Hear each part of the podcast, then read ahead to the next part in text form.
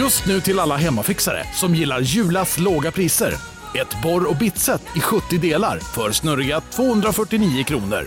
Inget kan stoppa dig nu. På Sveriges största jackpot-kasino går hypermiljonen på högvarv. Från Malmö i söder till Kiruna i norr har hypermiljonen genererat över 130 miljoner exklusivt till våra spelare. Välkommen in till Sveriges största jackpot-kasino, hyper.com. 18 plus, regler och villkor gäller. Apartheid, a term we've heard before, but what exactly is it? The word itself stems from the South African dialect of Dutch Afrikaans and literally means apartness. But for millions in South Africa, it held a much darker reality.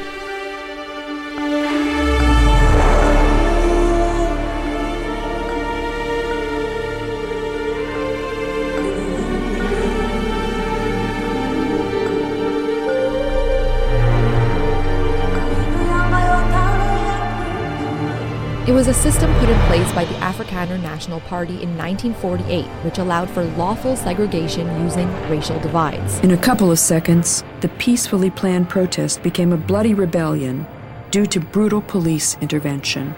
The police shot indiscriminately among protesting students. The only weapon of the students were stones. 25 years ago, Nelson Mandela made his long walk to freedom. He spent 27 years in prison for his role in the anti apartheid movement. His release in 1990 hastened the end of racial segregation in South Africa.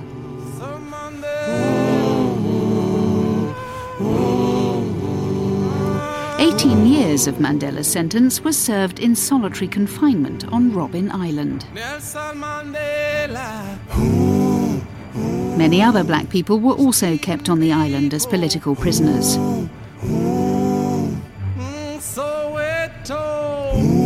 Prison life was unforgiving. But there was one thing that kept the inmates smiling soccer.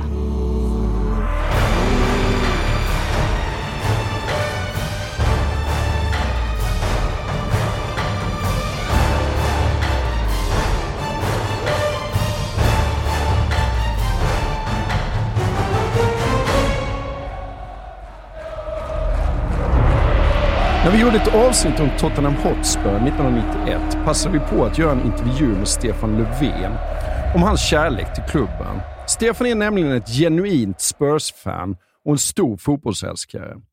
Vad vi inte hann fråga honom då var varför han som statsminister inte syntes mer på svenska landskamper.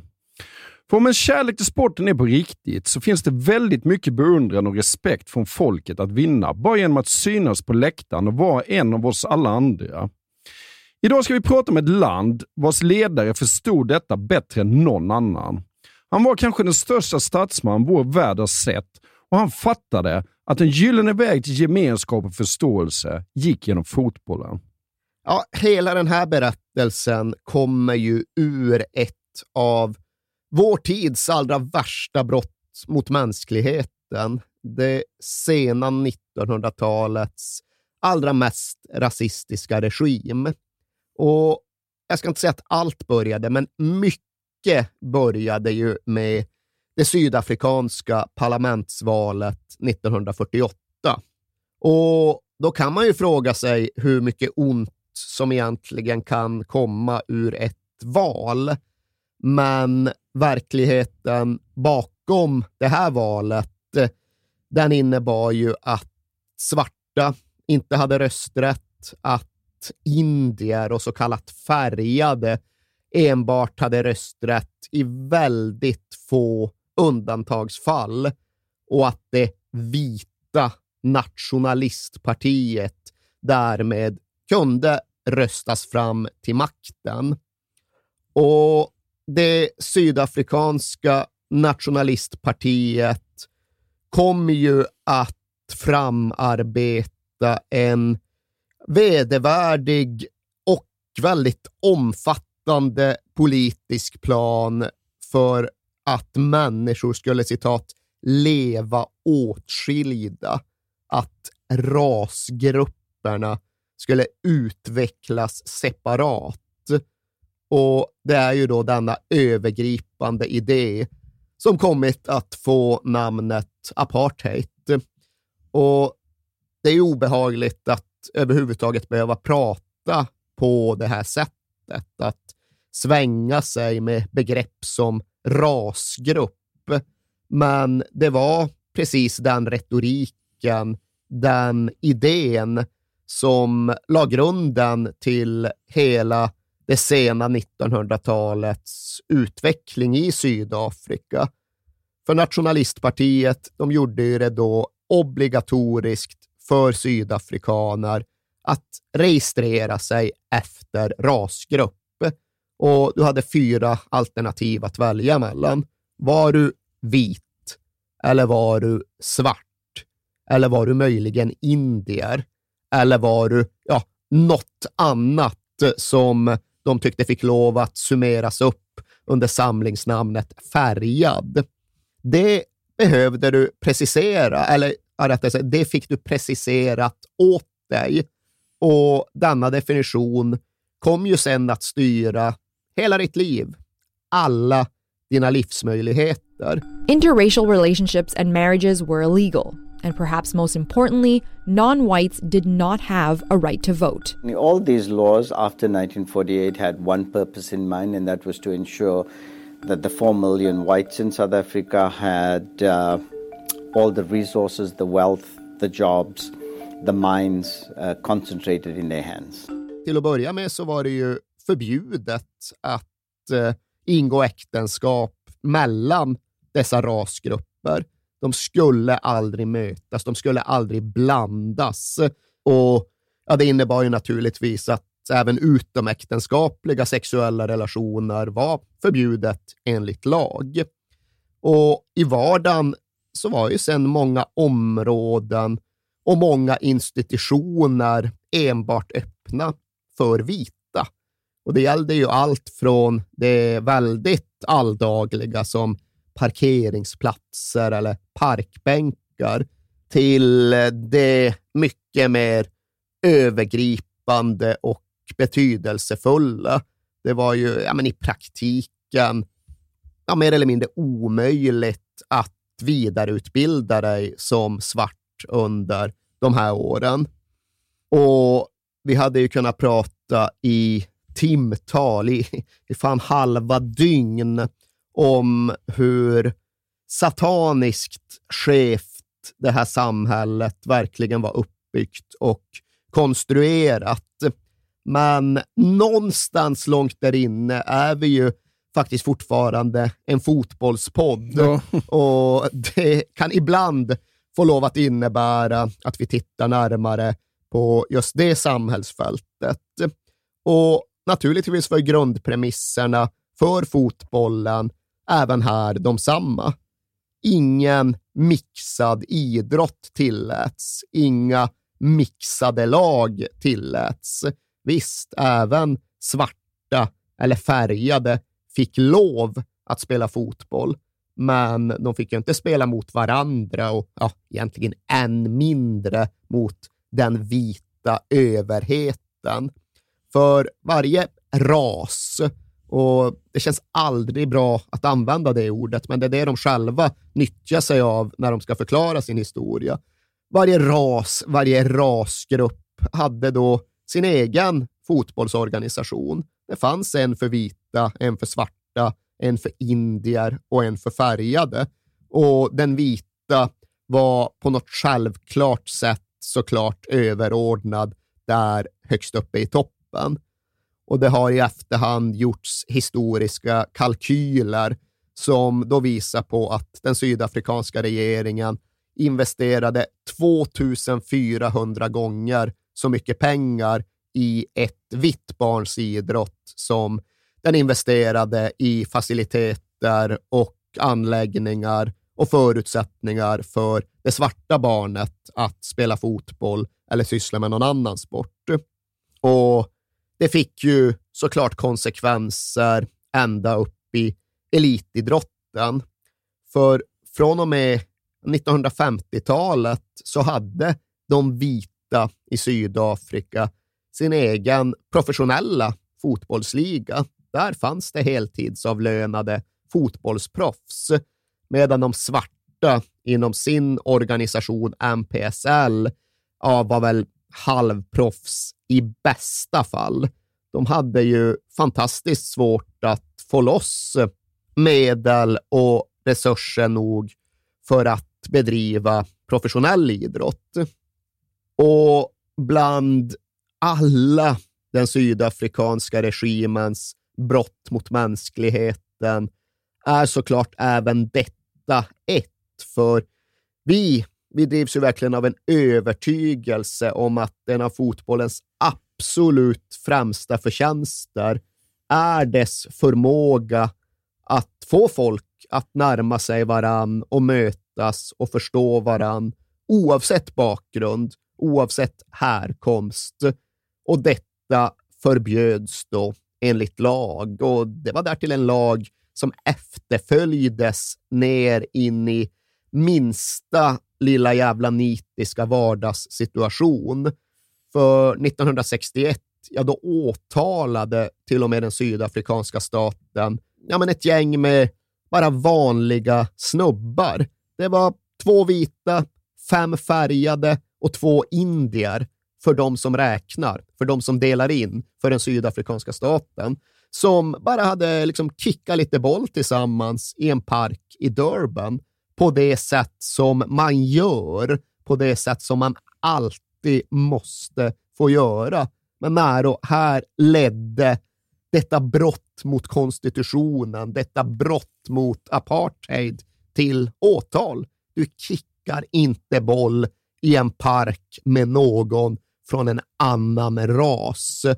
Hela det här samhället är uppbyggt utifrån idén om att den sortens förbrödning inte ska få förekomma. Inevitably, all Louis' school friends are black. If he were to make friends with any of the white athletes at the Wanderers Club, he couldn't invite them home. Or if he did, they would have to get a permit and have good reasons other than just friendship to come here. It's bald facts like this that leave a lot of people unimpressed with what's happening at the Wanderers Club. Headmaster of one of Johannesburg's coloured schools is Reg Feldman. What is happening at the Wanderers is in the nature of a gimmick. And uh, it is also dishonest. Because to anyone coming from outside, they gain the impression that this is a normal thing going on amongst uh, athletes and that it happens all the time in South Africa. There's no doubt it's very difficult to have any proper integration at club level when the different races are forced by law to live in separate localities. Men naturligtvis väcker det motstånd och en medborgarrättsrörelse växer ju fram. Ja, till att börja med en eh, rätt igenom fredlig medborgarrättsrörelse. För under de första av en 10-15 åren av apartheid så drevs motståndet utifrån en idé om att man säkert kunde samtala och resonera och nå fram till förändring på demokratisk väg.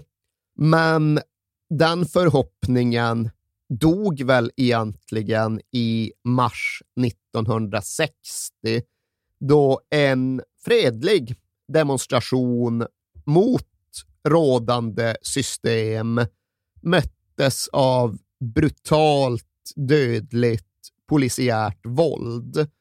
Och Det här är då det som historien känner som Sharpeville-massakern, då 69 fredliga demonstranter helt enkelt sköts ihjäl, mördades av den sydafrikanska polisen.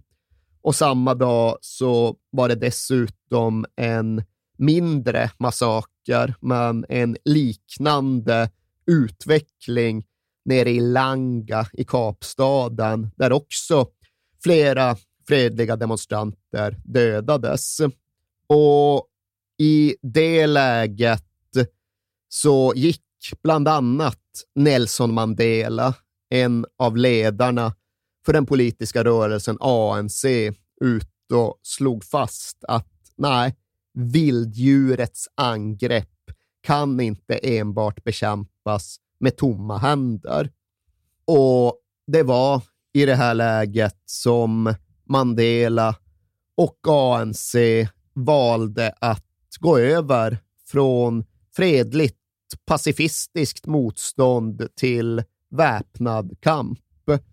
Och Nelson Mandela gick ju under jorden i samband med att han var med och grundade ja, men ANCs väpnade gren, Um Conto Vesisve, nationens spjut.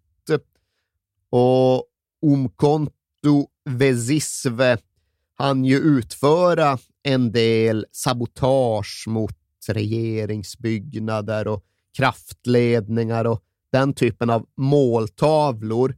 Men det gick ju inte så där jättelång tid innan Nelson Mandela och andra ledare greps. Mandela hamnade i fängsel i augusti 1962 och dömdes sen för att ha organiserat paramilitär träning och idkat förberedelser för gerillakrig och väpnad revolution.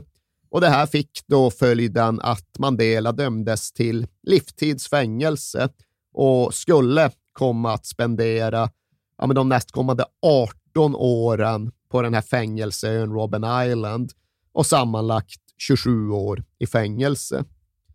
Innebär det fängslandet att den militära kampen slås ner? eller? Ja, både och. Den kvävs i hög utsträckning, men det är klart att lågan flämtar vidare och väldigt mycket hinner såklart hända. Men nästa stora liksom historieförändrande brytpunkt uppstår då i mitten av 1970-talet. Och den kommer sig ur ett regeringsbeslut om att all skolundervisning i Sydafrika skulle bedrivas på antingen afrikans eller engelska, alltså på något av de vita kolonialspråken snarare än på något av de stamspråk som nästan hela Sydafrikas svarta befolkning använde till vardags. Och en junidag 1976 så lämnade skolbarn sina klassrum i Soweto för att protestera mot den här förändringen. Och de samlades i tusental, i tiotusental och skulle marschera till Orlando Pirates fotbollsarena för ett massmöte. Men dit kom de ju aldrig, utan de möttes av först blockader och därefter polishundar och till sist då skarpa kulor. In a couple of seconds, the peacefully planned protest became a bloody rebellion due to brutal police intervention. The police shot indiscriminately among protesting students. The only weapon of the students were stones. But despite impending danger, they didn't even think about backing off. Och som det ofta visar sig bli så skulle ju även den här historiska perioden få en typ av omslagsbild i och med detta.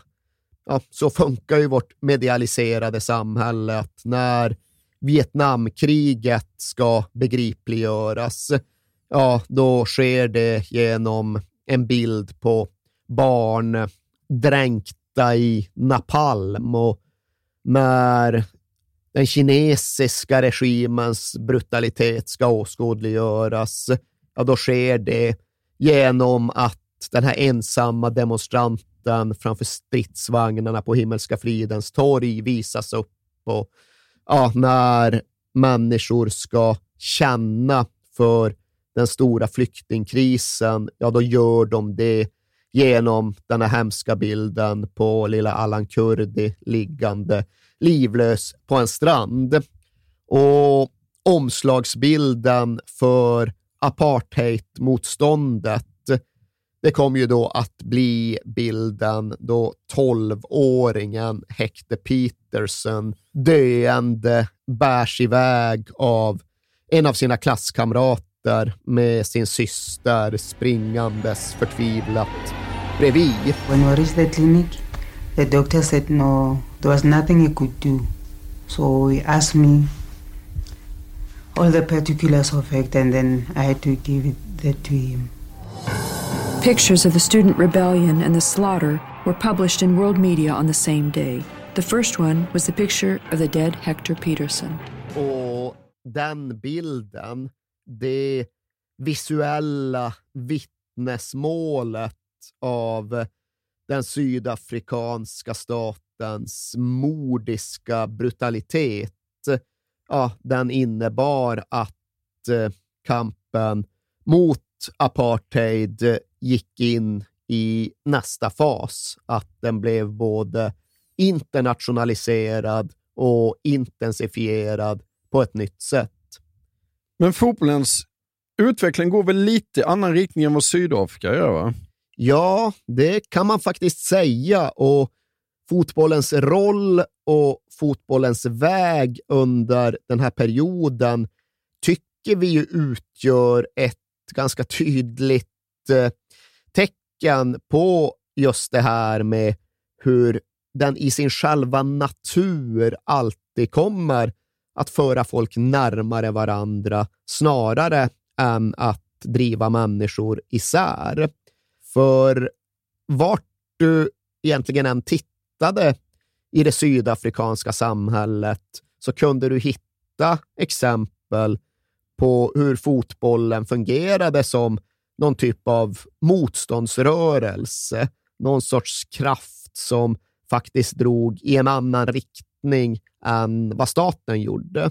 Ett exempel är ju den här fotbollsligan på fängelseön Robben Island som ja, men i så väldigt hög utsträckning ska ha bidragit till att alla de politiska fångarna där klarade av att bibehålla mening och struktur i livet. För de hade ju då fått sin frihet och alla sina mänskliga rättigheter ja, men fråntagna. Och när man då sitter inspärrad i det där tröstlösa fängelset på obestämd tid, i de allra flesta fall utan egentliga rättegångar, ja, då är det nog jävligt lätt att tappa både tron och livsgnistan. Men för att motverka detta så knöt ju då fångarna ja, men, hela sitt fängelseliv runt den liga som de utvecklade och sjösatte. Och det här har ju blivit föremål för diverse filmatiseringar, för det är en så sällsynt tydlig berättelse om hur det går att återvinna livskraften just genom fotboll. Ja, ni kan låsa in oss i våra celler och ni kan fan kasta bort nycklarna och ni kan trumma fast hur vi aldrig någonsin kommer komma ut härifrån. Men så länge vi i alla fall har vår rastgård och våra fotbollsmål och vårt spelschema som innebär att det är nedflyttningsmatch igen nästa lördag, ja, då kommer vi att ha kvar vår glista och vår glöd. Men det var en riktig liga de Ja, ja alltså de följde ju ja, men, the Fifa rulebook. Där ja. de ofta ett stort nummer av att det här var liksom verkligen Fifa, om inte Fifa-sanktionerat så i alla fall Fifa, Fifa-sanktionerat så i alla fall Fifa-anpassad fotbollsverksamhet. Och ja, men i det ska då ligga allt från matchschemat till liksom domarens utrustning och regeltolkningar och allt däremellan. Ja, ja, de verkar ju ha lagt ner hela sin själ ja, i det. Nej, men det var Vilket det, man kan förstå också. Det var det som var livet. Ja. Liksom. Okej, okay, vi har inget annat, men det här kan inte ta ifrån oss. Nej, och många av de som skulle bli stora ledare i Sydafrika framöver, de var ju djupt engagerade i den här ligan. Absolut, och det enda som är lite det enda som är lite, det är rätt mycket som är väldigt historiskt synd i det här sammanhanget, men det är ju en ja, men lite deppigt just att konstatera att Nelson Mandela fick aldrig lov att ingå här, för han var så mycket högprestigefånge att han isolerades bort även från detta. Han kunde väl titta på någon enstaka match genom gallrena på sin isoleringscell, men närmare den dagliga verksamheten kom han inte. Han ansågs helt enkelt för farlig. Men precis som du säger, många andra ja, men personer som skulle bli statsbärande framöver, de samlade ju kraft och framåtriktning genom den här fotbollsligan inne på fängelseön. Prison life was unforgiving. But there was one thing that kept the inmates smiling soccer. This is the only photo that was taken of the prisoners playing football on Robin Island. Their faces were obscured by the prison warders. Men även ute i den begränsade friheten så hittade fotbollen nya och andra vägar. För redan 1973 så arrangerades det en typ av men, landslagsturnering, får vi nästan säga, mellan de olika federationerna internt i Sydafrika.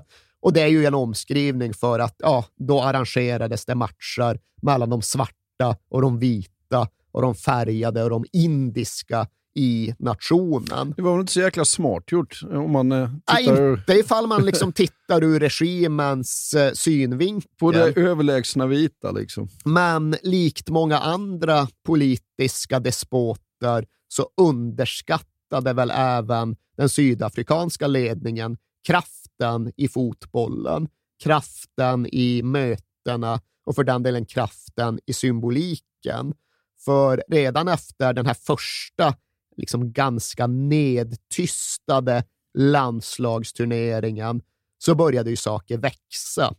Det cirkulerades en bild, en stillbild på den vita kaptenen Nicky Howie omfamnades den svarta kaptenen Joe Sono och den bilden fick internationella vingar och kanske framför allt så fick den bilden kommersiella vingar för marknadskrafterna gillade vad den uttryckte. Den politiska ledningen kanske inte gjorde det, men är det något vår sena historia har lärt oss så är det ju att marknadskrafter rätt ofta faktiskt kan övertrumfa politiska ideologier på både gott och ont.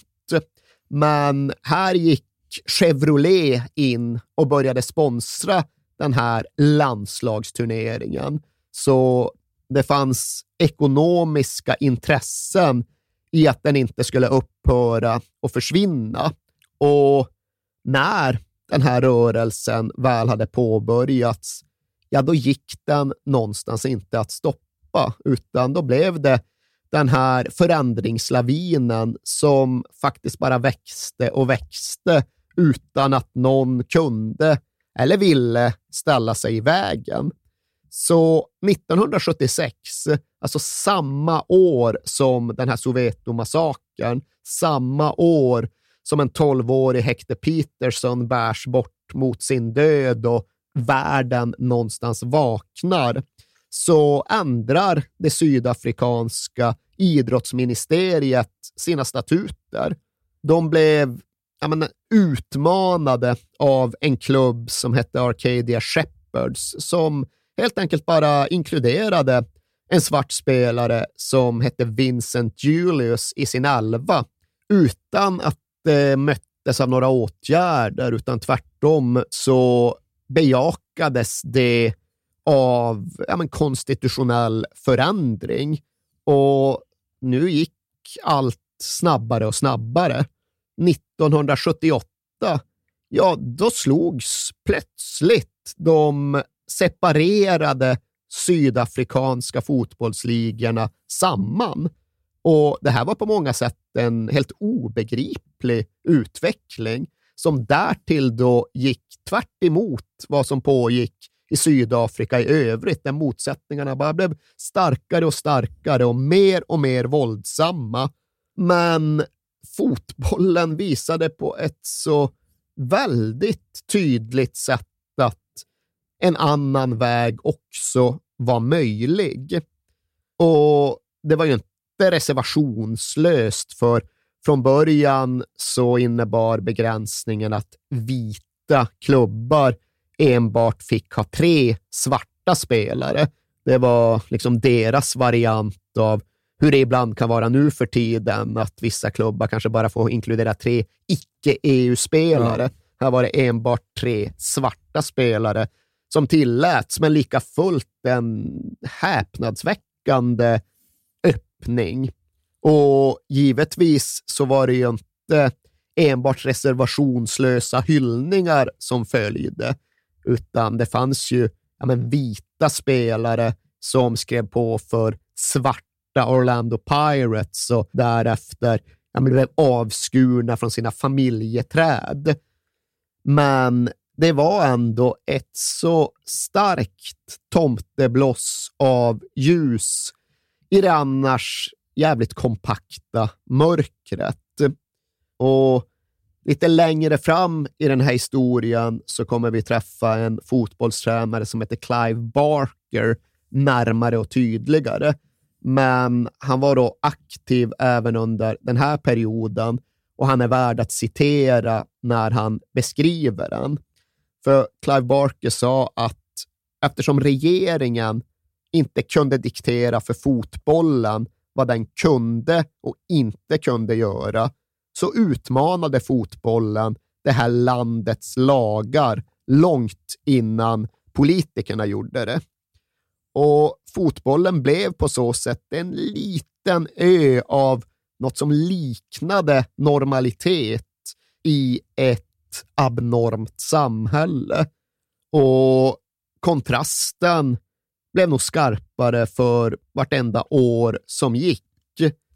För fotbollen tassade sig varsamt och försiktigt framåt medan det sydafrikanska samhället snabbt slungades ner i ett våld som mer och mer liknade ja, men ett öppet inbördeskrig. Och i mitten av 1980-talet, ja, då utlyste regimen rätt och slätt undantagstillstånd, vilket då gav den konstitutionella möjligheter att i ännu högre utsträckning bara fängsla oppositionella och kasta dem i politiskt fängelse utan någon som helst prövning eller rättsprocess.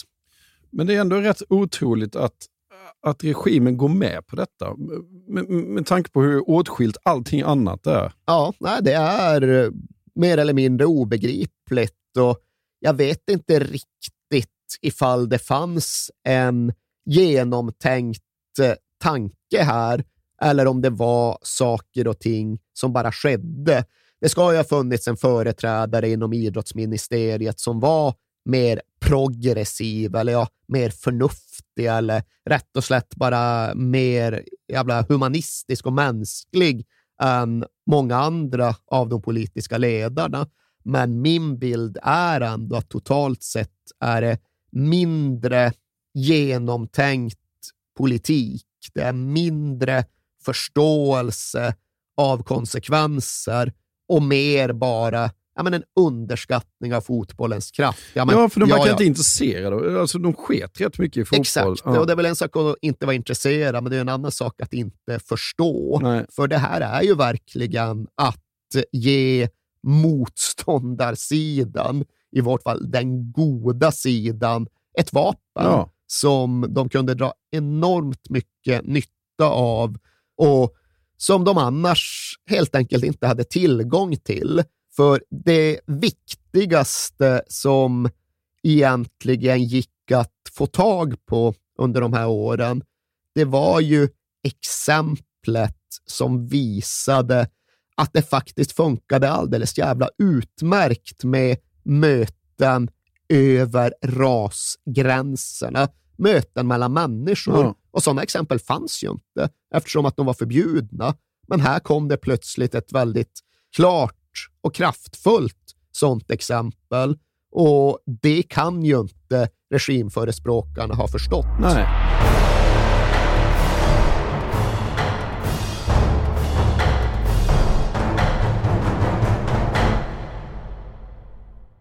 Jag vill inleda med att säga att det är garanterad jackpot på 13 miljoner på Stryktipset. Och fy fasen. Ja, visst.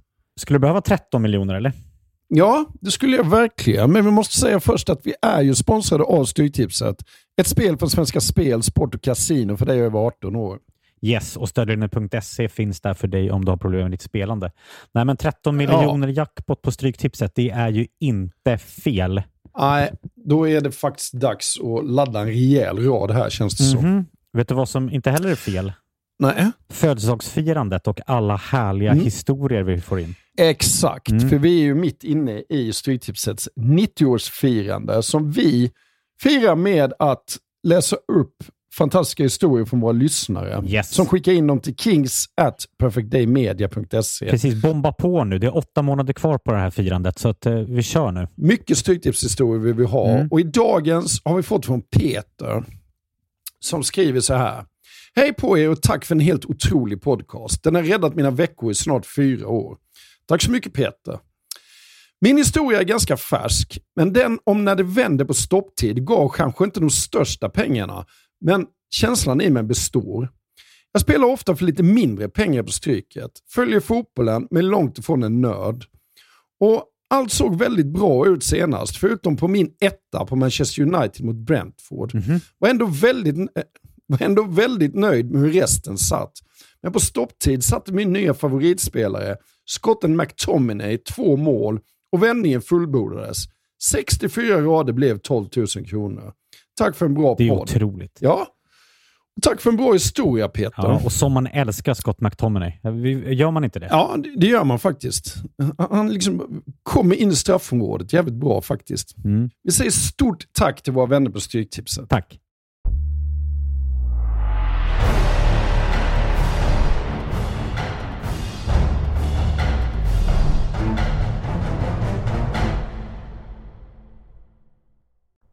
Du nämnde Clive Barker tidigare. Det är dags att börja prata lite om huvudpersonen i den här berättelsen. Och Då kan vi väl börja med Lucas Radebe. Va? Ja, men vi kan följa några av centralfigurerna från en ganska tidig punkt. Och Lucas Radebe, han kommer då från ett ställe som heter Deep Kloof. Och Deep Kloof är ja, men ett så kallat township och det sydafrikanska begreppet township kan behöva förklaras, för alltså på ett sätt är det ju deras motsvarighetsord till favela ja. eller kåkstad, men det räcker liksom inte längre till, för Soweto kategoriseras då som ett township, men Soweto kan man ju inte längre kalla för en kåkstad ja, det finns delar av Soweto som fortfarande är kåkstadslika, men Soweto är ju en jättelik stad i egen rätt.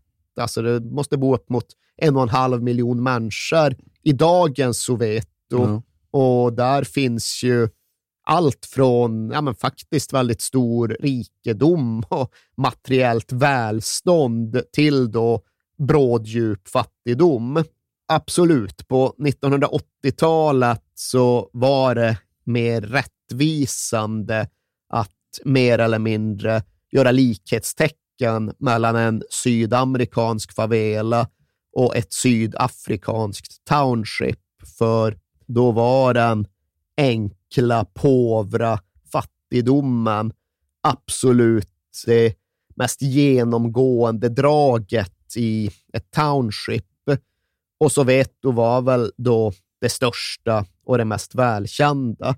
Och sen fanns det ju liksom olika delar av Soweto och en del, en av de fattigare delarna, en av de mest våldsamma delarna, hette då Deep Kloof och låg i townshipets utkanter. Och det ska under 1980-talet har varit känt som Lilla Beirut i. Soweto. Det låter inget vidare. Då. Nej, men det är också fantastiskt det där med att precis som i Sverige, där Beirut någonstans blev ett samlingsnamn för våld och utsatthet under 1980-talet, så funkar det tydligen likadant i. Jaha. Och jag vet inte fan om det nu var så jävla mycket värre i Beirut än det var i 80-talets Soweto. Nej. Jag vet inte fan om jag inte hade föredragit den förstnämnda destinationen inbördeskrig till trots. Ja. Men Deep Kloof, det var då känt för både politiskt och kriminellt våld. Och här bodde då den unga Lukas Radebe som det fjärde av tio syskon med 21 års åldersspann. Och de bodde inte i ett skjul, det var liksom inget ruckel, utan de hade någon form av riktigt hus, men det var ju ingen el och det var inget rinnande vatten och det var ingen toalett i huset. Och farsan i familjen hade i alla fall jobb, eller han hade sysselsättning. Han hade gått från att knega på någon däckfabrik till att bedriva illegal taxiverksamhet. Och det illegala i den, ja, men det låg egentligen enbart i att allt var illegalt för ens för svarta på den här tiden. Mm. Men i och med att det var här i Soweto som Lukas Radebe växte upp så levde han ju i unga år någonstans på den politiska knivsäggen. Han såg ju den här Soweto-massakern 1976 med egna ögon och satt därefter som sjuåring och liksom ritade bilder på blod och våld och ond bråd död i de skolhäften han ändå hade. Det där var en upplevelse som färgade och präglade honom djupt och kom även att påverka hans livsriktning in i tonåren. För när vi nu är framme i mitten av 1980-talet och det är undantagstillstånd utlyst, då har Lukas Radebe hunnit upp i de mellersta tonåren och då har ju han gått in i ja, men den väpnade politiska kampen. Han har blivit aktivist i någon sorts lokalt medborgargarde där de kallade varandra kamrater på kommunistiskt maner och där målet var att göra Sydafrika så omöjligt att styra och regera att det på så sätt skulle tvinga fram förändring. Så Lukas Radebe var revolutionär utifrån ja, men, en nästan anarkistisk utgångspunkt och levde det livet på riktigt. Han gick runt beväpnad. Han bar både kniv och den här speciella sydafrikanska läderpiskan och han var beredd att nyttja sina tillhyggen i sin politiska kamp. Han och hans kamrater de kapade företagsbilar som vågade närma sig området och de gjorde det eftersom att de då tyckte att de tog från storkapitalet och samhällsapparaten snarare än från enskilda individer. Och de uppförde då sina egna blockader och vägspärrar runt Deep Kloof på nätterna för att ja, men, hålla koll på inflödet och för att eh, själva styra över sitt eget område. Och det räcker ju inte med att säga att de inte litade på den statliga polisen, utan de såg ju dem som fienden. Och det innebar även att de tyckte sig ha rätten att ta rättvisan i sina egna händer.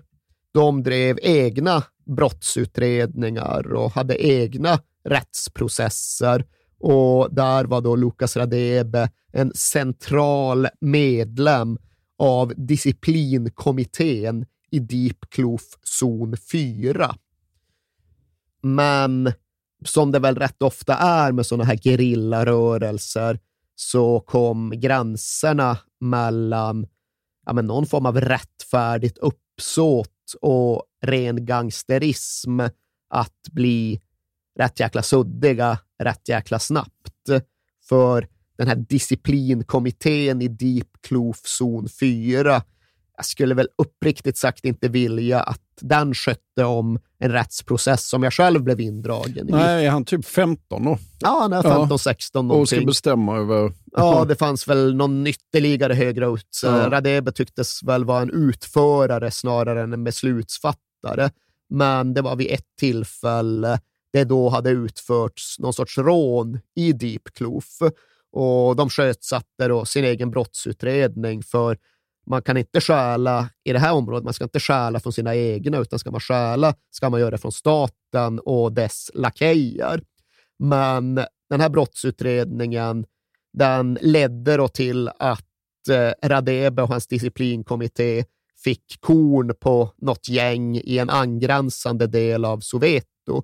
De tyckte sig veta vilka det var som hade utfört rånet och de hämtade in de skyldiga för jag vet inte om man ska kalla det för förhör eller för bestraffning eller för ren och skär jävla tortyr.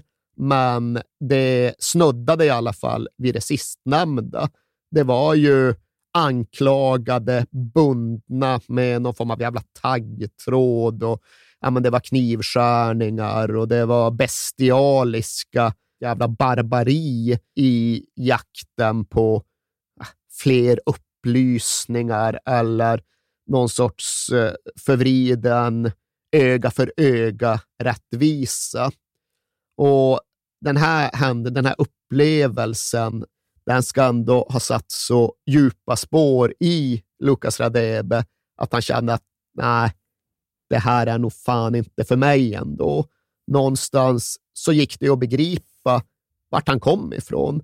Han levde i världens mest orättvisa jävla förtryckarsamhälle och han hade sett jämnåriga barn mördas av staten. Men att därifrån hamna i en situation där han själv har förvandlats till förtryckare, det hänger inte ihop hela vägen.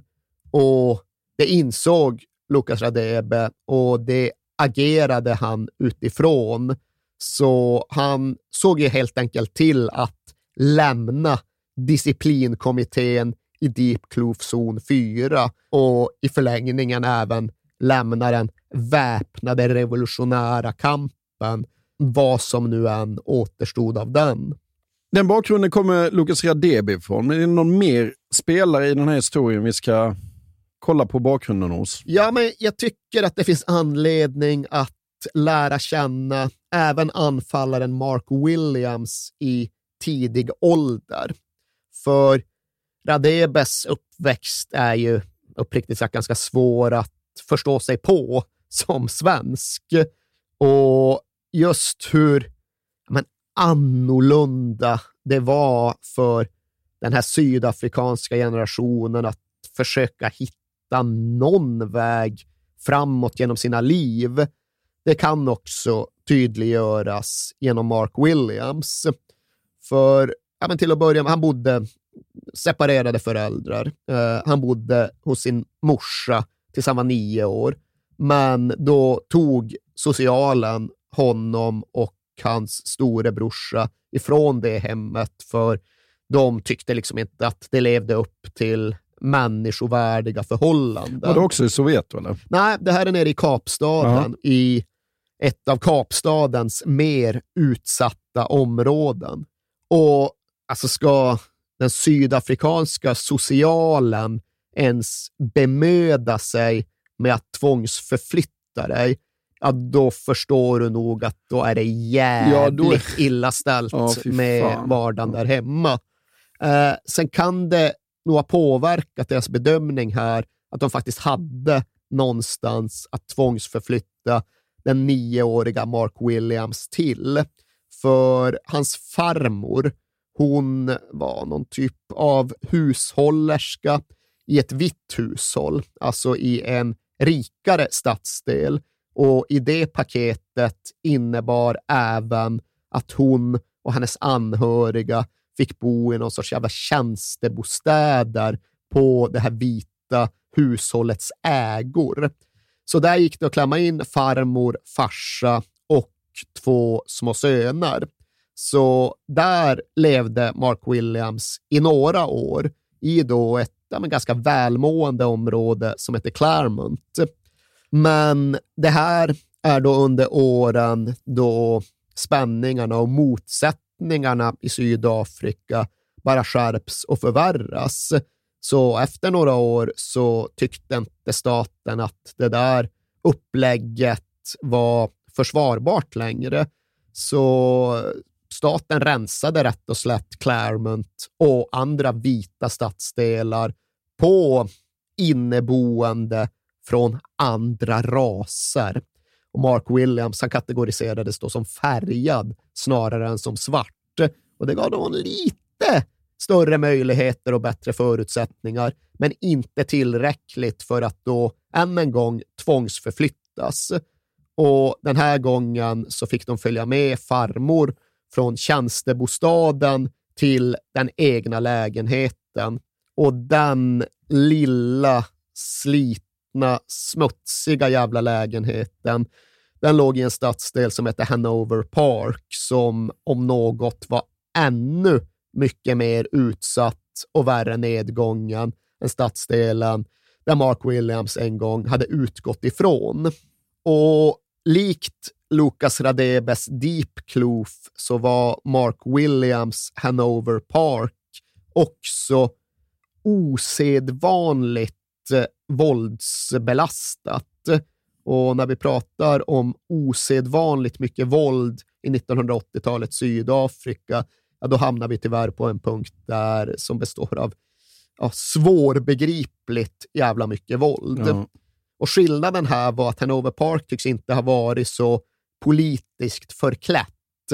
Här bemödade sig inte gatugängen med att låtsas att de bedrev någon typ av politisk kamp, att de stod upp mot regimen, utan de var bara gatugäng som ville slåss om makt, territorium och status. Och den här gängkulturen fick tydligen konsekvensen att ja, men det i praktiken var omöjligt för en 11-åring att komma ny till stadsdelen och gå till skolan. För kom du dit utan att tillhöra något gäng, ja, då var du lovligt byte. Då liksom kunde alla attackera dig på ja, men precis vilka premisser som helst. Och det som gällde var egentligen ja, men bara ett av tre olika alternativ. Antingen så fick du finna dig i att bli svårt jävla misshandlad i stort sett varenda gång du dök upp i skolan. Eller så fick du hitta en väg att köpa dig fri från de här gängen. Eller så såg du helt enkelt till att bli medlem av, eller till och med bilda, ett eget gäng. Och Mark Williams och hans storebrorsa, de valde den sistnämnda vägen. De bildade ett eget gatugäng som då fick namnet Backstreet Kids. Man önskar nästan att de hade kallat sig Backstreet Boys ja. 15 år tidigare. Mm. Men Backstreet Kids döpte de sig till och när man utropade sig som ett gäng i 1980-talets Hanover Park, ja, då fick du också lov att leva därefter. Så Mark Williams, ja, han började ju utkämpa knivfighter innan han ens hade kommit upp i tonåren. Och det var då inte knivfighter som i värsta fall slutade med att någon blev rispad, utan det var knivfighter som i normalfallet ledde till att någon dog. Mm. Och det fick ja, gå i skolan var liksom inte aktuellt. Faran med det, den dödliga faran med det var helt enkelt alldeles för hög. Och att bo hemma eller befinna sig på en och samma plats över tid, ja, det gick tydligen inte heller. Så Williams ja, men han började sova ute, så under vägbroar, på pappkartonger. Och nu har han precis kommit upp i tonåren. Nu är han väl 13, 14, 15. Och i det läget så var det en dag då han och de på hans sida tydligen brast i vaksamhet. För de befann sig på territorium som egentligen var deras och därför slappnade de tydligen av lite väl mycket. De spelade tärning i någon gränd och hade då inte säkrat eh, vägarna som ledde dit. Så plötsligt märkte de hur något närmade sig från ena hållet och då var det 20 pers från ett rivaliserande gäng. Och när de sen tittade åt andra hållet, ja, då var det ett tiotal andra som kom därifrån. Och då fanns det inte längre någon utgång, någon utväg. Och som Mark Williams då själv återberättar, there was no way out. So we took out our pangas and our knives and stood back to back. Vet du vad en panga är? Var det inte det som var den där piskan du sa? Nej, det, den mm. hette något annat. Det är en sydafrikansk machete kan man Aha, säga. Ja. Så ja, det står de. De tar ut sina machetes och sina knivar. De tar fram dem. De ställer sig rygg mot rygg och så möter de det som kommer så gott de nu kan. Men det går ju inte. Och för att återigen citera Mark Williams, A lot of my friends died that afternoon. Oh, och själv lyckas han på något sätt eh, hugga sig ut från dödsfallen. Och det var anmärkningsvärt. Det var otroligt på ett sätt som gjorde att han till och med blev misstänkliggjord bland sina egna. För ja, de var väl åtta, nio pers och jag tror att sex, sju av dem dog och en eller två blev oerhört svårt skadade och Mark Williams kom ut blodig, men så gott som oskadd. Uh-huh. Och det där väckte de misstänksamhet i det egna gänget. Hur fan var det möjligt? Uh-huh. Är det du som har sålt ut oss? Är det du som har lett våra fiender fram till det här jävla bakhållet? Ja, men Williams slår ju desperat ifrån sig. Nej, nej, men absolut inte. Herrejösses, jag har varit med i det här gänget från början. Min storebrorsa är ju gängledarnas gängledare. Skulle aldrig göra något sånt. Okej, okay, men eh, nu finns det tvivel kring din lojalitet, så du måste bevisa för oss och för alla andra att du för alltid kommer stå med oss. Och det Mark Williams ska göra för att bevisa detta, det är då att tatuera in någon jävla gängsymbol för Backstreet Kids. Och tatueringar i Sydafrika på 1980-talet, det var inte som tatueringar i väst är idag. Det var liksom ingenting som folk gjorde i driver och dussin utan att det egentligen betydde något. Utan det här var mer eller mindre att brännmärka sig för livet. Att göra sig själv till måltavla i alla andras ögon för livet. Men det var det som krävdes av Mark Williams. Så han leds iväg till någon jävligt improviserad tatueringsstudio där det är någon gammal kvinna som står med någon, ja, jag tror verkligen det är en nål, alltså en riktig nål och ska väl sy in bläcket mer eller mindre. Och hon är då, inte vet jag, klok och vis, men om inte annat sympatisk och medmänsklig. Så hon undrar ju verkligen om den här 15-16-åriga grabben ska göra detta. Ska han gå runt genom resten av livet ja, men med en måltavla på armen? Och ja, men jag, jag måste, jag har inget annat val, för går jag ut härifrån utan den här tatueringen så är jag död om en kvart. Ja, men ett annat val har du nog. Jag kan öppna en bakdörr åt dig och du kan sticka ut därigenom. Men visst, sen måste du klara dig själv. Och ja, hur fan ska det gå till? Vart ska grabben ta vägen? Han vet inte, men när han tänker på saken så framstår det ändå som en bättre chans än att vara kvar i Hanover Park med den där gängtatueringen. Så han drar ut genom bakdörren och han springer ut ur området och han vet att dit kan han aldrig någonsin återvända. Men vart fan ska han istället? Och det enda han kan komma på, det är då att försöka spåra upp sin morsa, kvinnan som alltså blev fråntagen sina barn av socialen vad är det nu, sju år tidigare eller något i den stilen. Och han har ingen aning om vart hon är. Nej. De har liksom inte haft någon kontakt på sju år. Men han, hon är väl kvar i Kapstaden kanske. Så han börjar springa från liksom stadsdel till stadsdel och område till område och mer eller mindre liksom bara ropar sin morsas namn och hoppas, ja, här kanske hon är. Ja. Och nej, det var hon tydligen. Ja, kanske i nästa stadsdel.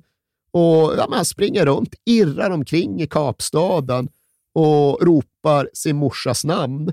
Och till sist är det någon som hör det, som ändå vet vad man syftar på. Ja, nej, men här är hon ju inte. Hon är ju liksom i andra delen av stan och det här letandet tar så vitt jag förstår liksom flera dygn. Men till sist liksom kommer han lite närmare, lite närmare. Nu är det nog i alla fall rätt stadsdel. Här ska hon bo. Och nu är det nog i alla fall rätt kvarter. Här ska hon bo. Och till sist då, nu är det nog fan i med rätt gata. Och ja, han hittar till sist sin morsa och kommer bort från Hanover Park och gängvåldet där och kan börja ja, men ett nytt liv. Fan inte ett enkelt liv där heller, för återigen, den här mamman är ju Ja, hon är i stånd att ta hand om honom. Knappt. Men nu är han 16 år gammal, har levt under vägbroar, så, så länge han slipper ha en machete i nacken så kan han väl ta hand om sig själv i ganska hög utsträckning. Det räcker liksom med att inte ha ett dödshot Ja, hängande ja. över huvudet. Men jag, men jag måste fråga här, därför att både Lucas Radebe och Mark Williams, de får ju rätt stora, eller får ju stora fotbollskarriärer framöver. Vad är fotbollen i allt, allt det här? Knappt någonstans. De är 15 och slåss för sina liv. Nej, den är väldigt perifer. Mark Williams, eh, jag tror han fick sin första fotboll i födelsedagspresent av sin farsa när han var typ 11. Och då ska han ju precis in i det här gänglivet. Ja. Så sen kan han ju inte nyttja. Så, så vitt jag förstår har han knappt spelat upp i mellersta tonåren. Och Lukas Radebe, han är ju med ibland i så här liksom 30 mot 30 matcher i Deep Kloof. Och det är ju ja, men en ganska stor sak. Och det är ändå återkommande att han liksom kickar med grabbarna i kvarteret. Men någon organiserad fotboll kan man ju inte prata om. Och i Radebes fall så kom han egentligen in i organiserad fotboll ja, men först efter att han har bestämt sig för att lämna den här disciplinkommittén och den väpnade revolutionära kampen. För då har han ju samtal med sin familj om hur det ska gå till. Och i jämförelse med Mark Williams har ändå Lucas Radebe det väl förspänt för att han har en stabil familj. Ja. Han har bra föräldrar som vill honom väl. Jo, men det är ändå som 15-åringar, om du kollar liksom i västvärlden, då har du varit liksom på elitläger, du har varit eh, så jäkla skolad. De har knappt, Ja, det, är en annan, spelat. det är en annan väg de går. Det är det verkligen. It was like uh, I said, you know, you're throwing 10 animals in there and everybody wants to be the main oak, and that's how the gangsterism comes in. And you've been bullied, and you have to stand up and you have to fight. And we're not talking about fighting, you know, there was a lot of killing, you know, people were hanging sometimes, you know. In, in Hanover Park, it, it was basically a jungle with a new apartheid threw us in, and I was just a youngster. What do I do at the end of the day? I need to protect myself, so I need to belong to one of these gangs to just to survive. But like I said, a, a walk from during the day that takes me two minutes from here to my flat, but there's two more flats just next to it. At night, it takes me an hour to get there because it's duck and dive because there's a squad coming here, there's an animal coming here, so you just have to duck. I had nightmares after that, but you know, it's the decision that I made afterwards when they say that you must prove to us that you're one of us and to show the, the, the stuka or the tattoo. And you know th- that was the, the the the fine sort of um, thing that I had to make, and you know thanks God for that. You know I I overcome that, and you know when they saw me a couple of times on TV, they're like, "Hey man, that was one of our guys." You know what? And I was on TV, but you know it, it came also like you talked about the language. I mean when I went overseas, I wanted to be the best. I wanted to open doors so that the next people that come, they must know that Mark was from South Africa. So it opens the doors for the other ones just to come in the. I mean, I'm probably, you know, if you have to tap on, on, on my back say, I'm probably one of the only South African soccer players that played in so many countries. Ja, men precis som Mark Williams måste bort från Hanover Park så måste han bort från Deep Clough, för i den miljön kommer han sugas tillbaka in i dåligheter. Så de skramlar ihop tillräckligt med pengar för att skicka honom till en skola, försöka liksom skaffa honom en utbildning i det förträffliga stället Boputhatswana. Och vet du vad Boputhatswana kategoriseras som? Ja, säkert inget bra. Jo, alltså det, nej, inget bra egentligen, men det är ju då ett bantustan. Jaha. Och man vill ju tro att ett bantustan är någonting bra, men ett bantustan var på den här tiden ja, men i praktiken autonoma reservat för den svarta rasgruppen. Det var ju så den sydafrikanska staten hade fördelat sitt eget territorium. För visst, de svarta skulle ju aldrig komma i kontakt med de vita, men någonstans behöver de ju ändå hålla till.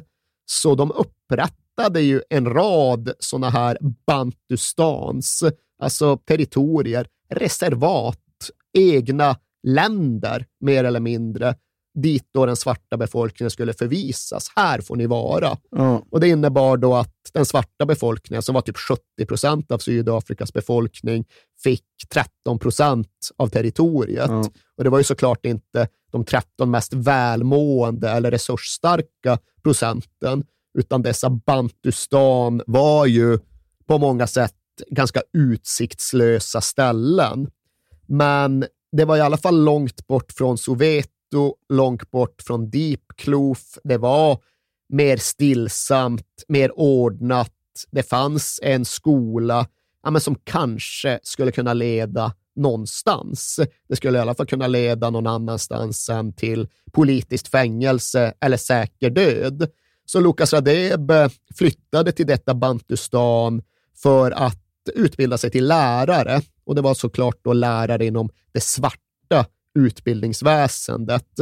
Och det var en ganska anspråkslös befattning. Det var inte så att de lärarna förväntades behärska och därefter kunna lära ut kvantfysik, Nej, nej. utan jag ska inte säga att det var förvaringsföreståndare, men det var ju i den riktningen som den vita överheten knuffade svart utbildning. Men där hamnade i alla fall Lukas Radebe och där visade det sig att hans skola har ett fotbollslag och de börjar han representera. Och det är ju då ja, men egentligen hans första erfarenhet av organiserad fotboll. Och det är inte så att han då glider in och omedelbart visar sig vara en av världens bästa mittbackar, utan han ställer sig i mål och Ja. står där och visslar och tycker att det är helt okej fram till det att han är 20 år gammal. Ja. Och då är det egentligen så att ja, men fan, nu har vi en vakans i mittförsvaret. Ska du testa på det, Lukas? Ja, det kan jag väl tänka mig, för jag ändå spelat ute under alla de här liksom, kvartersmatcherna hemma i Deep Kloof, så jag kan väl lira lite boll också. Jag behöver inte enbart stå i mål.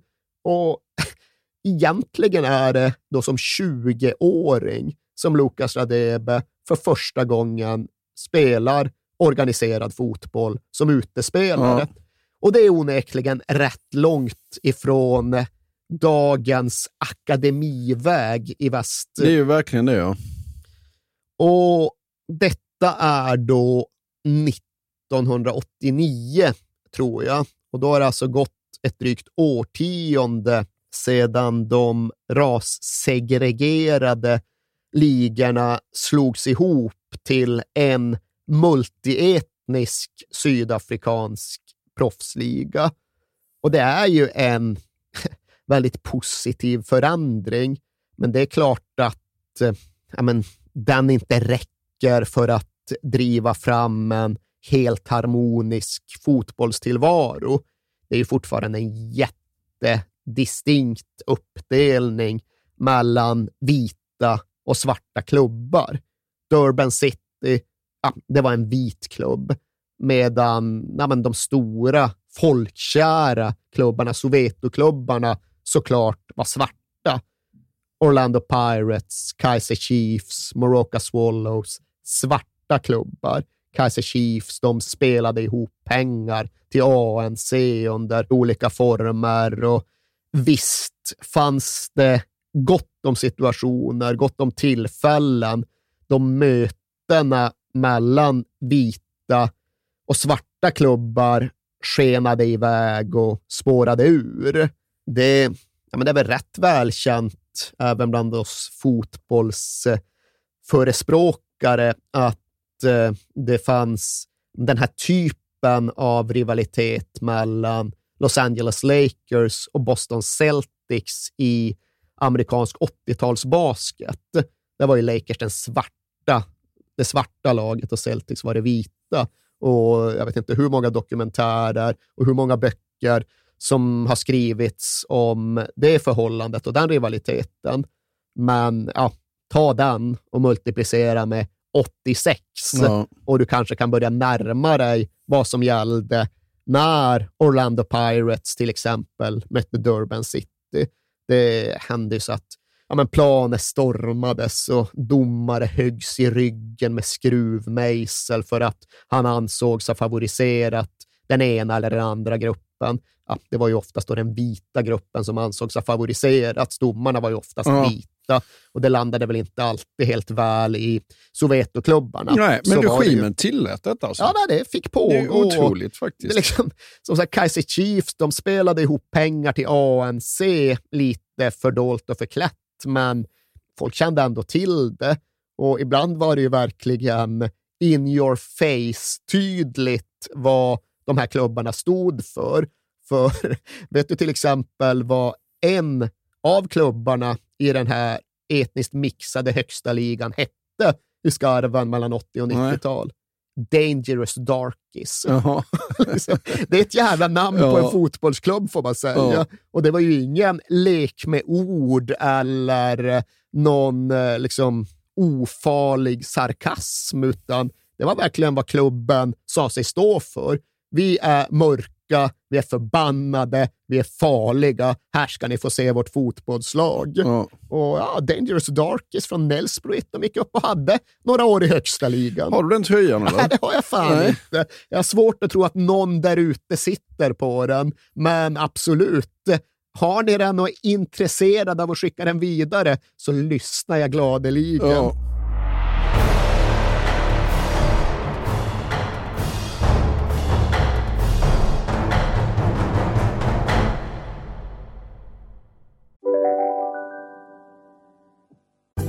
Synoptik här.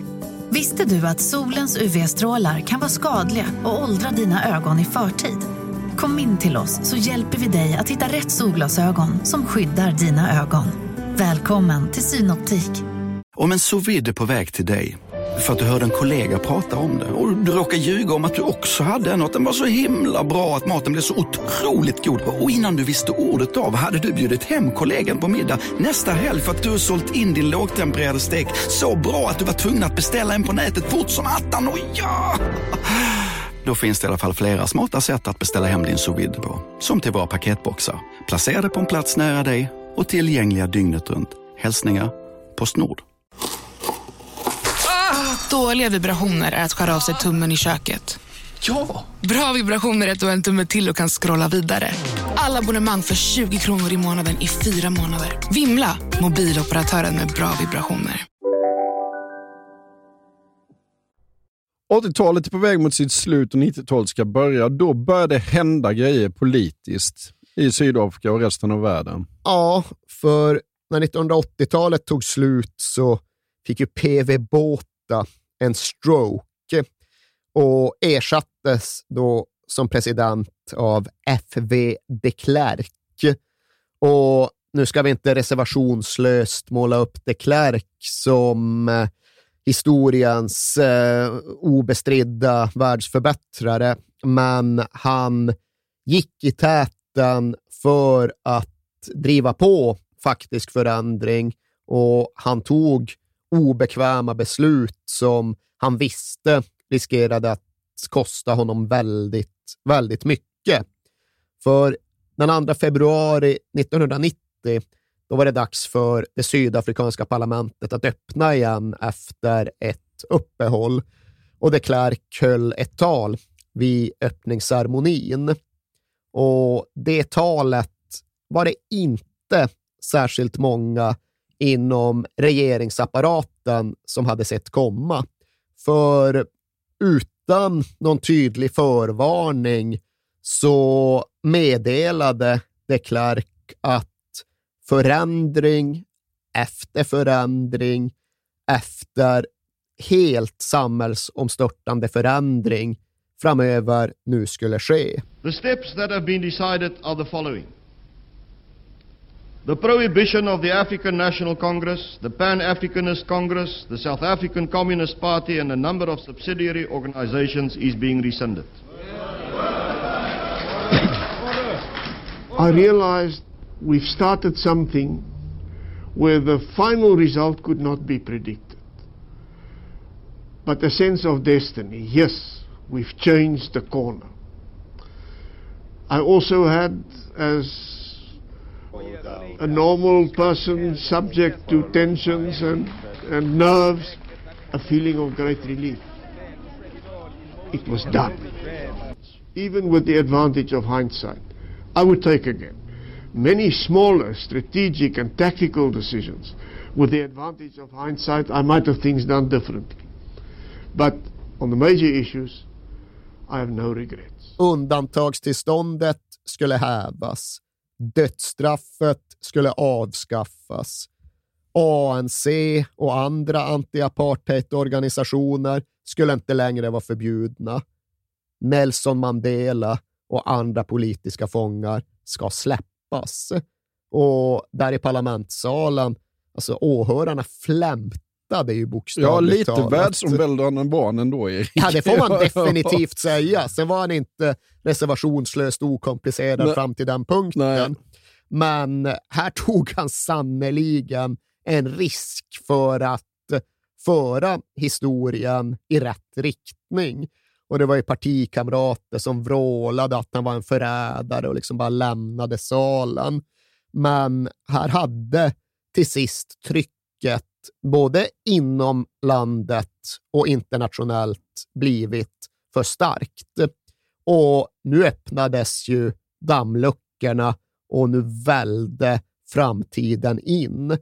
För allt det de Klerk aviserade blev ju även verklighet inom bara några veckor, några månader eller i vissa fall några år. Men den 11 februari, alltså det är nio dagar efter de Klerks anförande, så släpps ju Nelson Mandela efter 27 år i fängelse. Och han möter omvärlden med hustrun Winnie i ena handen och den andra handen knuten i luften. Och du vet väl apropå ingenting vilket som var det första landet utanför Afrika som Nelson Mandela därefter Ja, besökte. och det är det här som gör mig faktiskt otroligt stolt att vara svensk ändå. Att det första han gör är att flyga till Sverige. Ja, och det är ju som din stolthet anspelar på eh, i hög utsträckning för att tacka för vårt mångåriga stöd till ANC och anti-apartheidrörelsen. Och det här var ju under en tid då Sverige fortfarande vågade ta humanitär och politisk Ja. ställning. Så det har vi fan fog att ha varit stolta Ja, över. jag vet en eh, intervju med Ingvar Carlsson, där han, där han, när han träffade Mandela så sa Mandela, ja nu vill alla vara våra, våra vänner, men ni var våra vänner även när det var tufft. Liksom. Ja, jag minns när jag har varit nere i Sydafrika. Det känns som att det finns Olof Palme-gator i vartenda jävla Ja. stadshörn. Men den uppskattningen är ju genuin och berättigad. Sen var det väl i och för sig också så att ANCs ordförande Oliver Tambo var svårt sjuk och vårdades i Sverige. Jag tror han höll till i Nacka faktiskt. Och att det väl också var en väldigt stor del i att Nelson Mandela hade bråttom hit. Skit i det nu, nu Ja, det kan vi var Sverige. Ja. kan vi minnas Nelson Mandela-galan i Globen med stolt lyster i blick. Jag känner en man som heter Toivo Jatoivo. Honom stoppade de i fängelse i mars 1966 och satte honom på Robben Island utanför eh, Sydafrikas kust. Han eh, släpptes i april 1984 efter 18 år varav eh, flera år i ensamcell. Hans brott var att han var svart. Jag talar mycket med honom om hur det var Och jag talar mycket med honom om hans kamrat i fängelset, Nelson Mandela. Och Nelson Mandela erbjöds också att bli fri från Robben Island där han har suttit sedan 1964. Men eh, Nelson eh, Mandela har sagt nej. För han har sagt, jag vill inte bli fri på de vitas villkor. Jag vill bli fri på mina egna villkor, på de svartas villkor. Och sådana människor kan man aldrig skylla. Så därför beslöt regeringen igår att satsa 5 miljoner extra på stödet direkt till ANC och dess humanitära arbete. Och det tredje, det tredje skälet varför jag tycker det är viktigt i det här. Vi har stött ANC i många år, i över 20 år. Och vi fortsätter stödet. Men nu eh, så har eh, förhållandena i Sydafrika förvärrats. Och dessutom så känner vi oss inspirerade av er aktion. Så därför beslöt regeringen igår att satsa 5 miljoner extra på stödet direkt till ANC och dess humanitära arbete.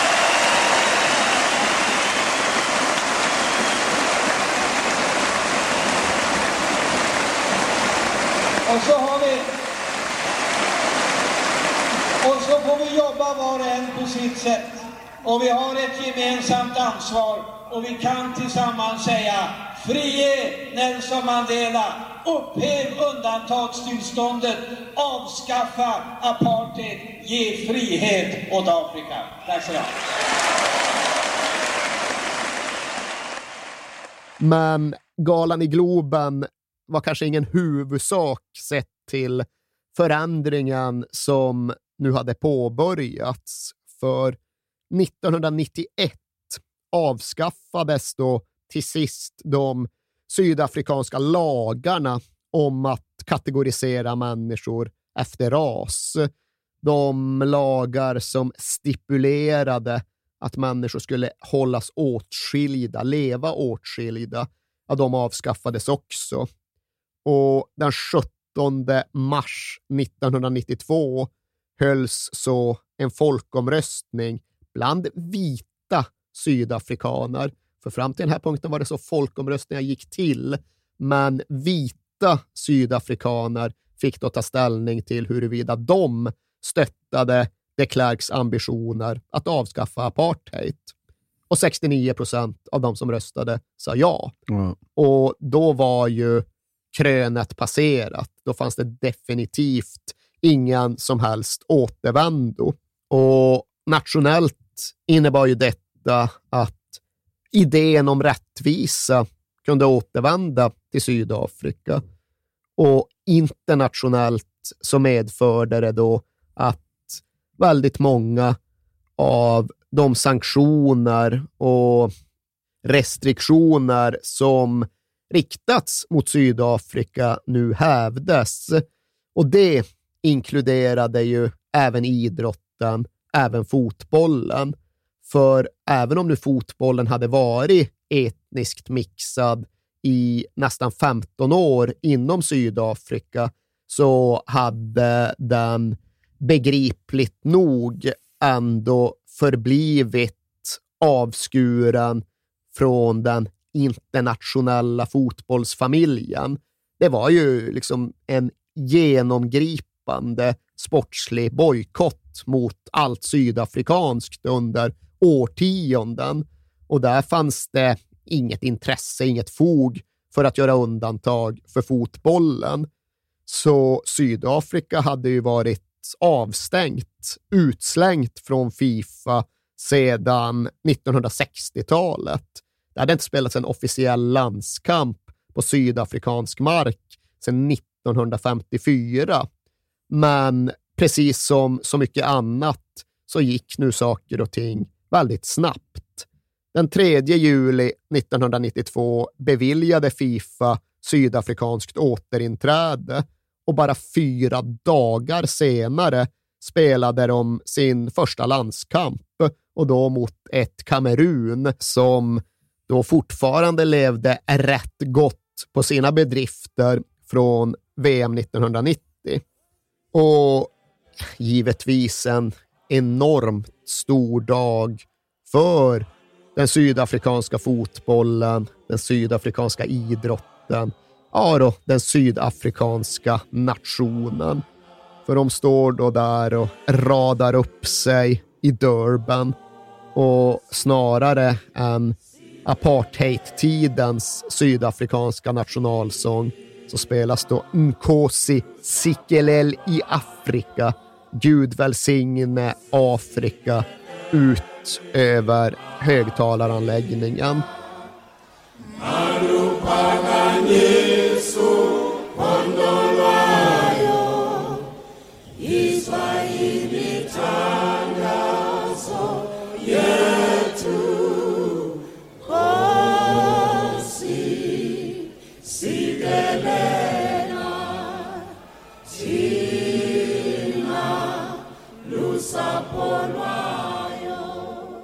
Självklart så var det rätt svårt att veta hur ett sydafrikanskt landslag skulle stå sig.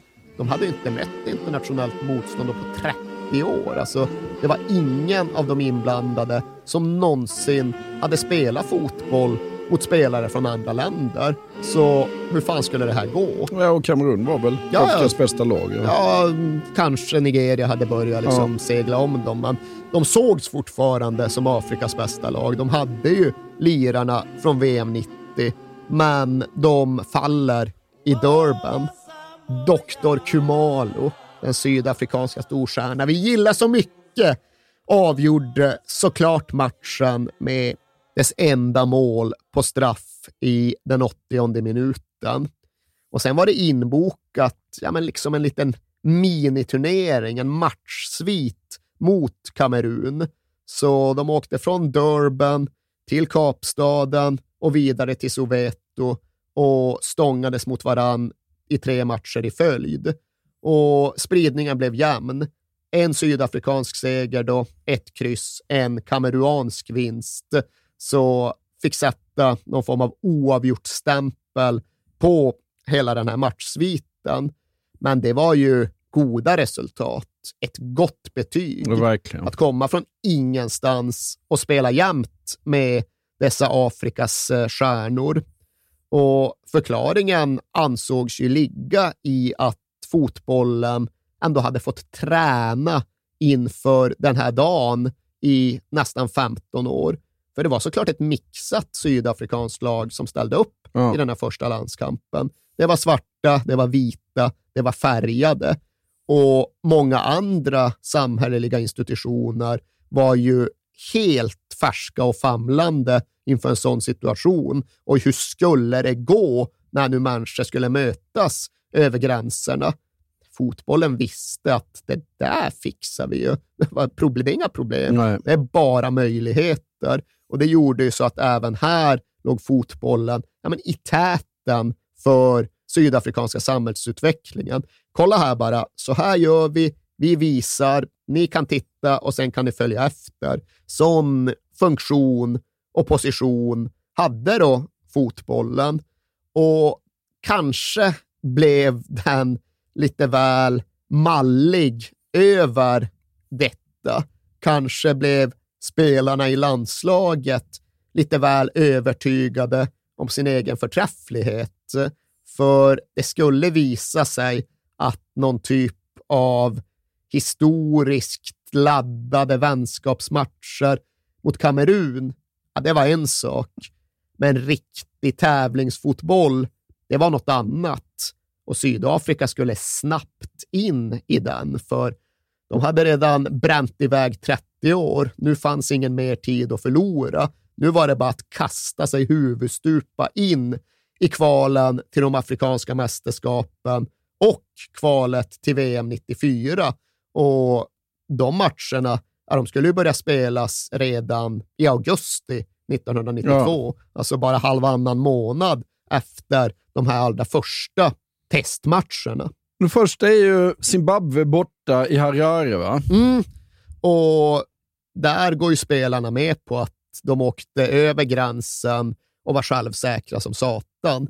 För Zimbabwe, vad är Zimbabwe? Det är ju någon form av lillebrorsor till Sydafrika, egentligen hur du än ser på saken och hur du än möter. Och spelar man jämt mot Kamerun första gången man överhuvudtaget testar på Zimbabwe kommer ju bli en munsbit.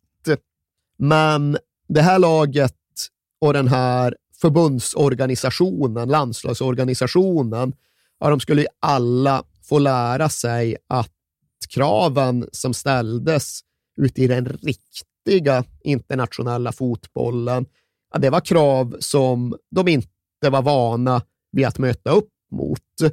Och Det märktes väl kanske allra först då på själva landslagsorganisationen.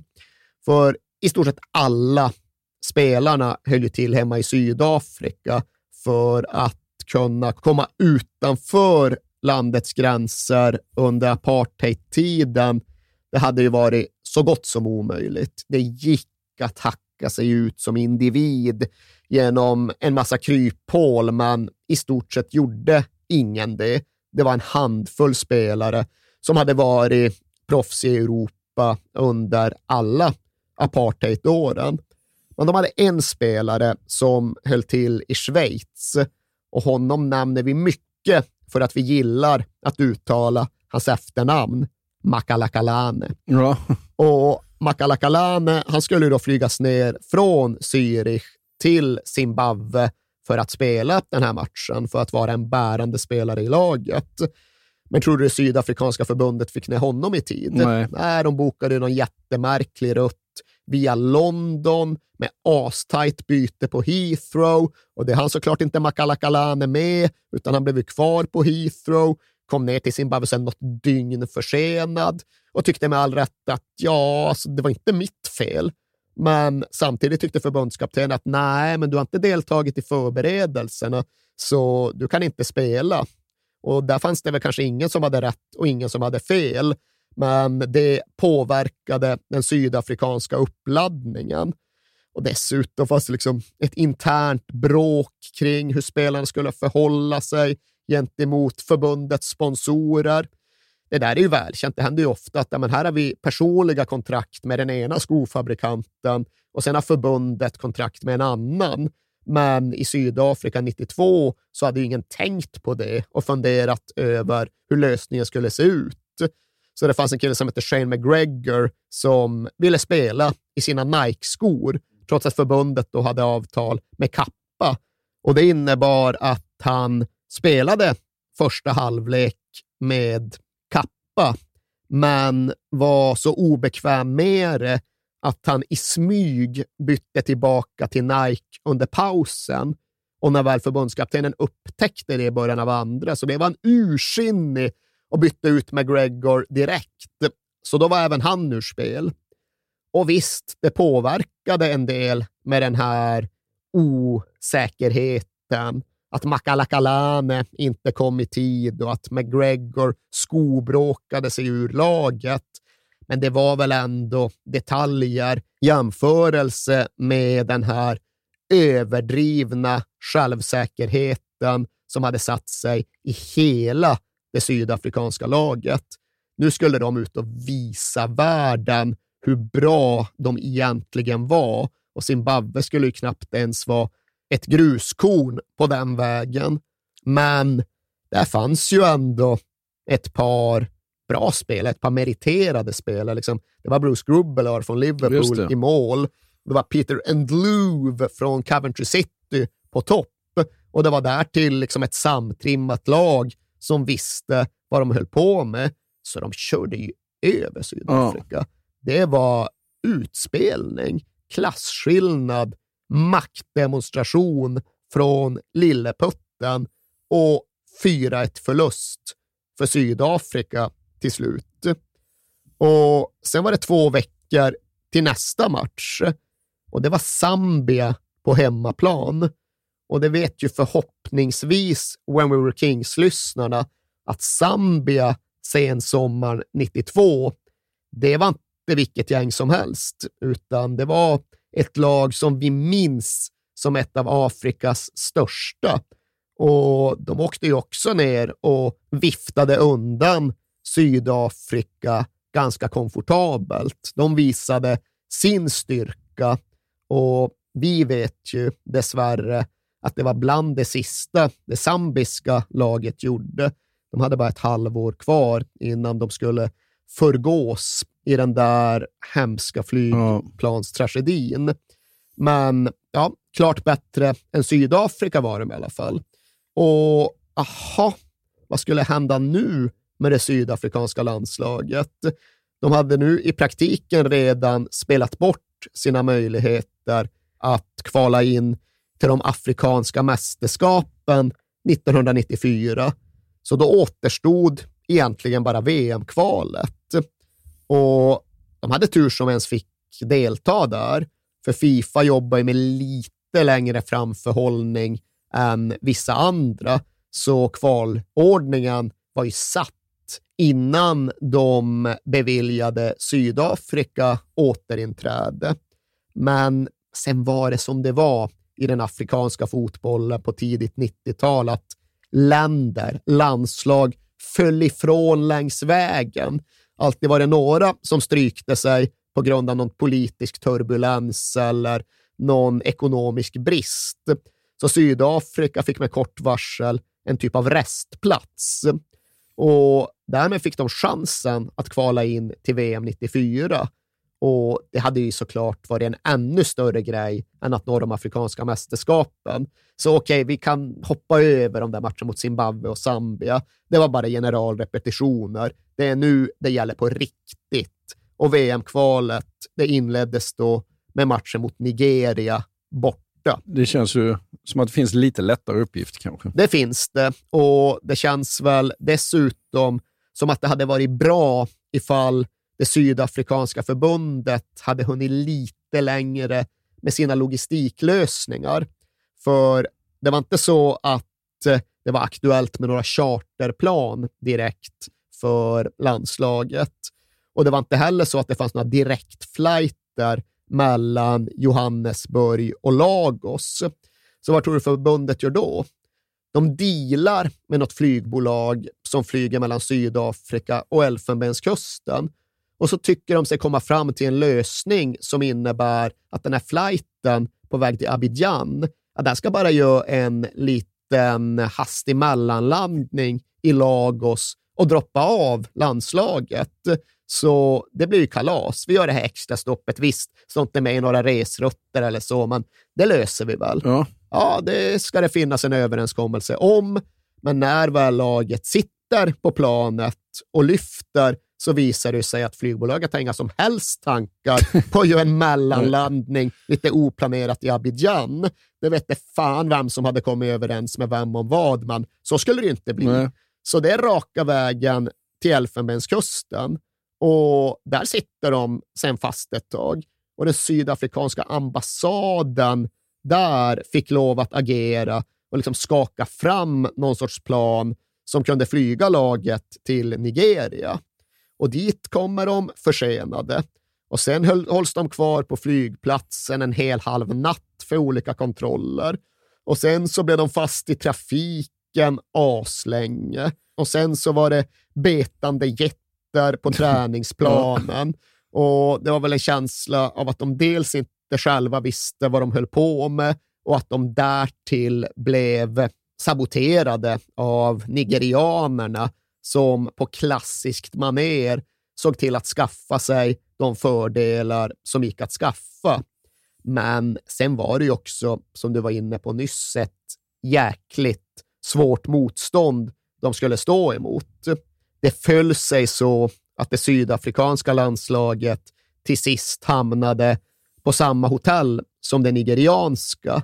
Och där är de ju flera spelare som berättar om hur små de kände sig, både billigt och bokstavligt, när de nigerianska spelarna dök upp bredvid dem. Sydafrika hade en kortvuxen kille. De hade en del kortvuxna killar i laget och en av dem hette Bennett Masinga och han hamnade i samma hiss som Rashid Yekini och Steven Keshi, alltså två riktiga biffiga Mm. bjässar till nigerianer. Och de ska ju bara liksom hånskrattat och fnyst avfärdande. Tog ni med maskoten också? Okej, okej. Och det blev ju stryk för Sydafrika med 4-0 i Lagos. Och det var rättvisande siffror. Och det var pojkar mot män, juniorlag mot seniorer, den typen av vibb. Och det var ju också i samband med detta som det sydafrikanska landslaget skulle få smeknamnet, eller från början öknamnet Bafana Bafana. Bafana är ju då Zulu för ja, men grabbarna, Boys, ja. eller småpojkarna. Ja. Och Det var ju så det användes i efterspelet till den här Nigeria-matchen. Det var egentligen där det uppstod. Oj, oj, de har sina Bamsebjässar och vi har Bafana Bafana, Ja. småpojkarna. Hur ska detta sluta? Vart ska detta ta vägen? Och till en början var ju svaret ingenstans överhuvudtaget. För det räckte egentligen med den där 4-0-förlusten för att Sydafrika skulle vara borta från VM 94. För den här kvalgruppen hade ju då förvandlats till en trelagsgrupp. Från början var det Sao Tomé och Principe som hade dragit sig ur och nu följde även Libyen efter och Ja. drog sig också ur. Så nu återstod bara tre lag. Och hade du då förlorat mot huvudkonkurrenten med fyra bollar, ja, då fanns egentligen ingen väg tillbaka. Och då kunde den sydafrikanska landslagsapparaten egentligen ägna sig helt åt intrigerande och kontroverser under hösten 1992. Ja, men om du håller fram stora namn som du gjorde tidigare så måste vi lyfta fram även eh, coachen här. Stanley Shabalala. Ja, Shabalala, det är väl ett namn som vi främst känner utifrån VM 2010 och det fantastiska premiärmål som Ent Shabalala gjorde då. Men det var ju då Sipive Shabalala som vräkte in den där bollen i krysset. Och det här är då Stanley Shabalala, eller som de känner honom, Screamer Shabalala. Ännu och så vitt jag vet finns det inget släktskap dem emellan. Men han smällde ju till någon journalist, alltså slog en journalist i kölvattnet av förlusten i, mot Nigeria. Så han fick lov att avgå. Och ska också då nämnas att Shabalala hade själv fått jobbet efter att den allra första förbundskaptenen som fick förtroendet att leda ett återuppståndet Sydafrika. Han hade tydligen mixtrat med sitt CV, så han fick ju gå innan han ens hade börjat. Och Det här innebar då att eh, Sydafrika hade tre olika förbundskaptener under sina sju första landskamper. Ja. Screamer Chabalala blir ersatt av Sheikhs Mashaba. Och den 25 oktober 1992, ja, då lyckas de i alla fall slå Kongo Brazzaville hemma med 1-0. Så då hade Sydafrika i alla fall vunnit en tävlingsmatch igen. Och det bidrog till att det ändå fanns lite optimism och förhoppningar kvar när väl kvalen till de afrikanska mästerskapen skulle dras igång igen våren 1993. Och de skulle då återstarta med match mot Mauritius hemma.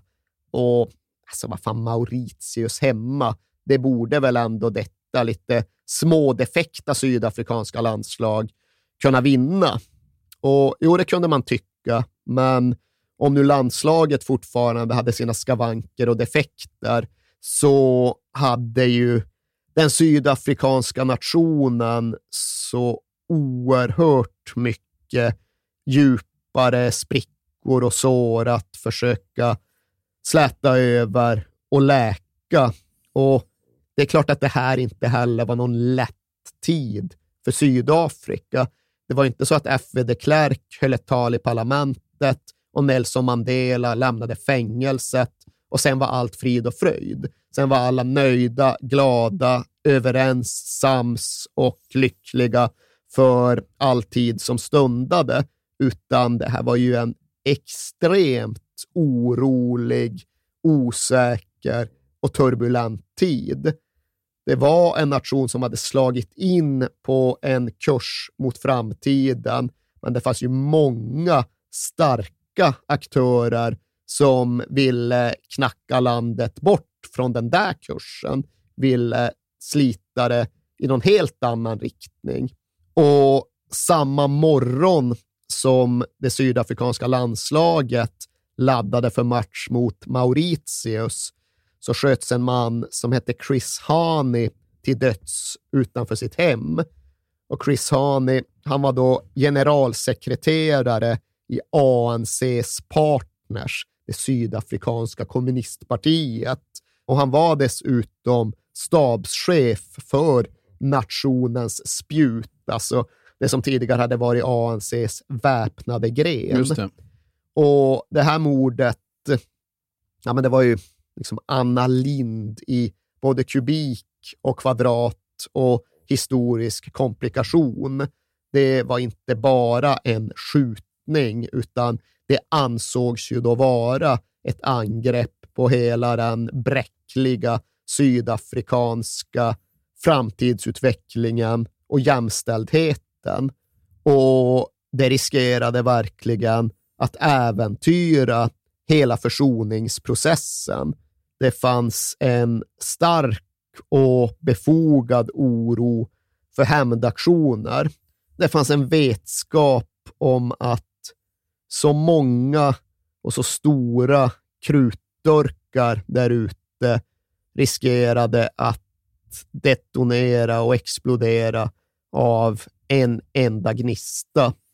Och hela den här realiteten, den var ju något som vilade över hela Sydafrika, inklusive dess idrottare under de här åren i början av 1990-talet. Och den påverkade dem. Den påverkade dem starkt i både stort och smått. Och just den här dagen så medförde den någonstans att ett splittrat och rätt ofokuserat Bafana Bafana bara fick 0-0 hemma mot Mauritius.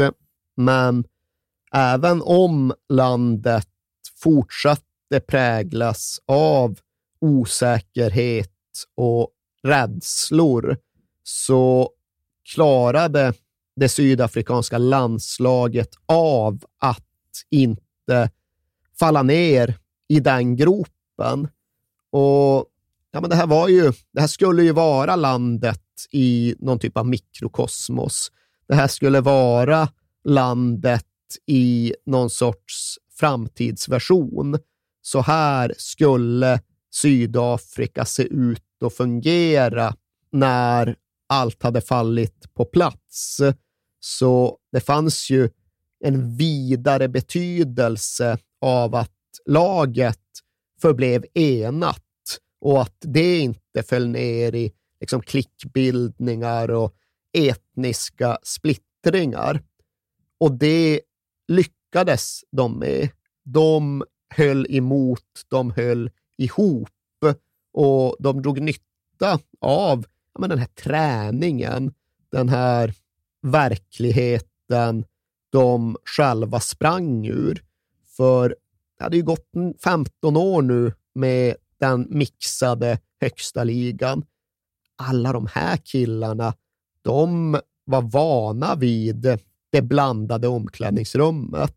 Det var självklart för dem och de plågades såklart av samma otrygga ovisshet som alla andra, men de klarade av att möta den där otryggheten gemensamt. Efter att Chris Haney hade dött så bad de tillsammans hela den där matchdagen igenom. Det var mycket viktigare än huruvida de lyckades få hål på Mauritius eller inte. Gå med mig Bakom skuggor ser du solen. Och när du tvivlar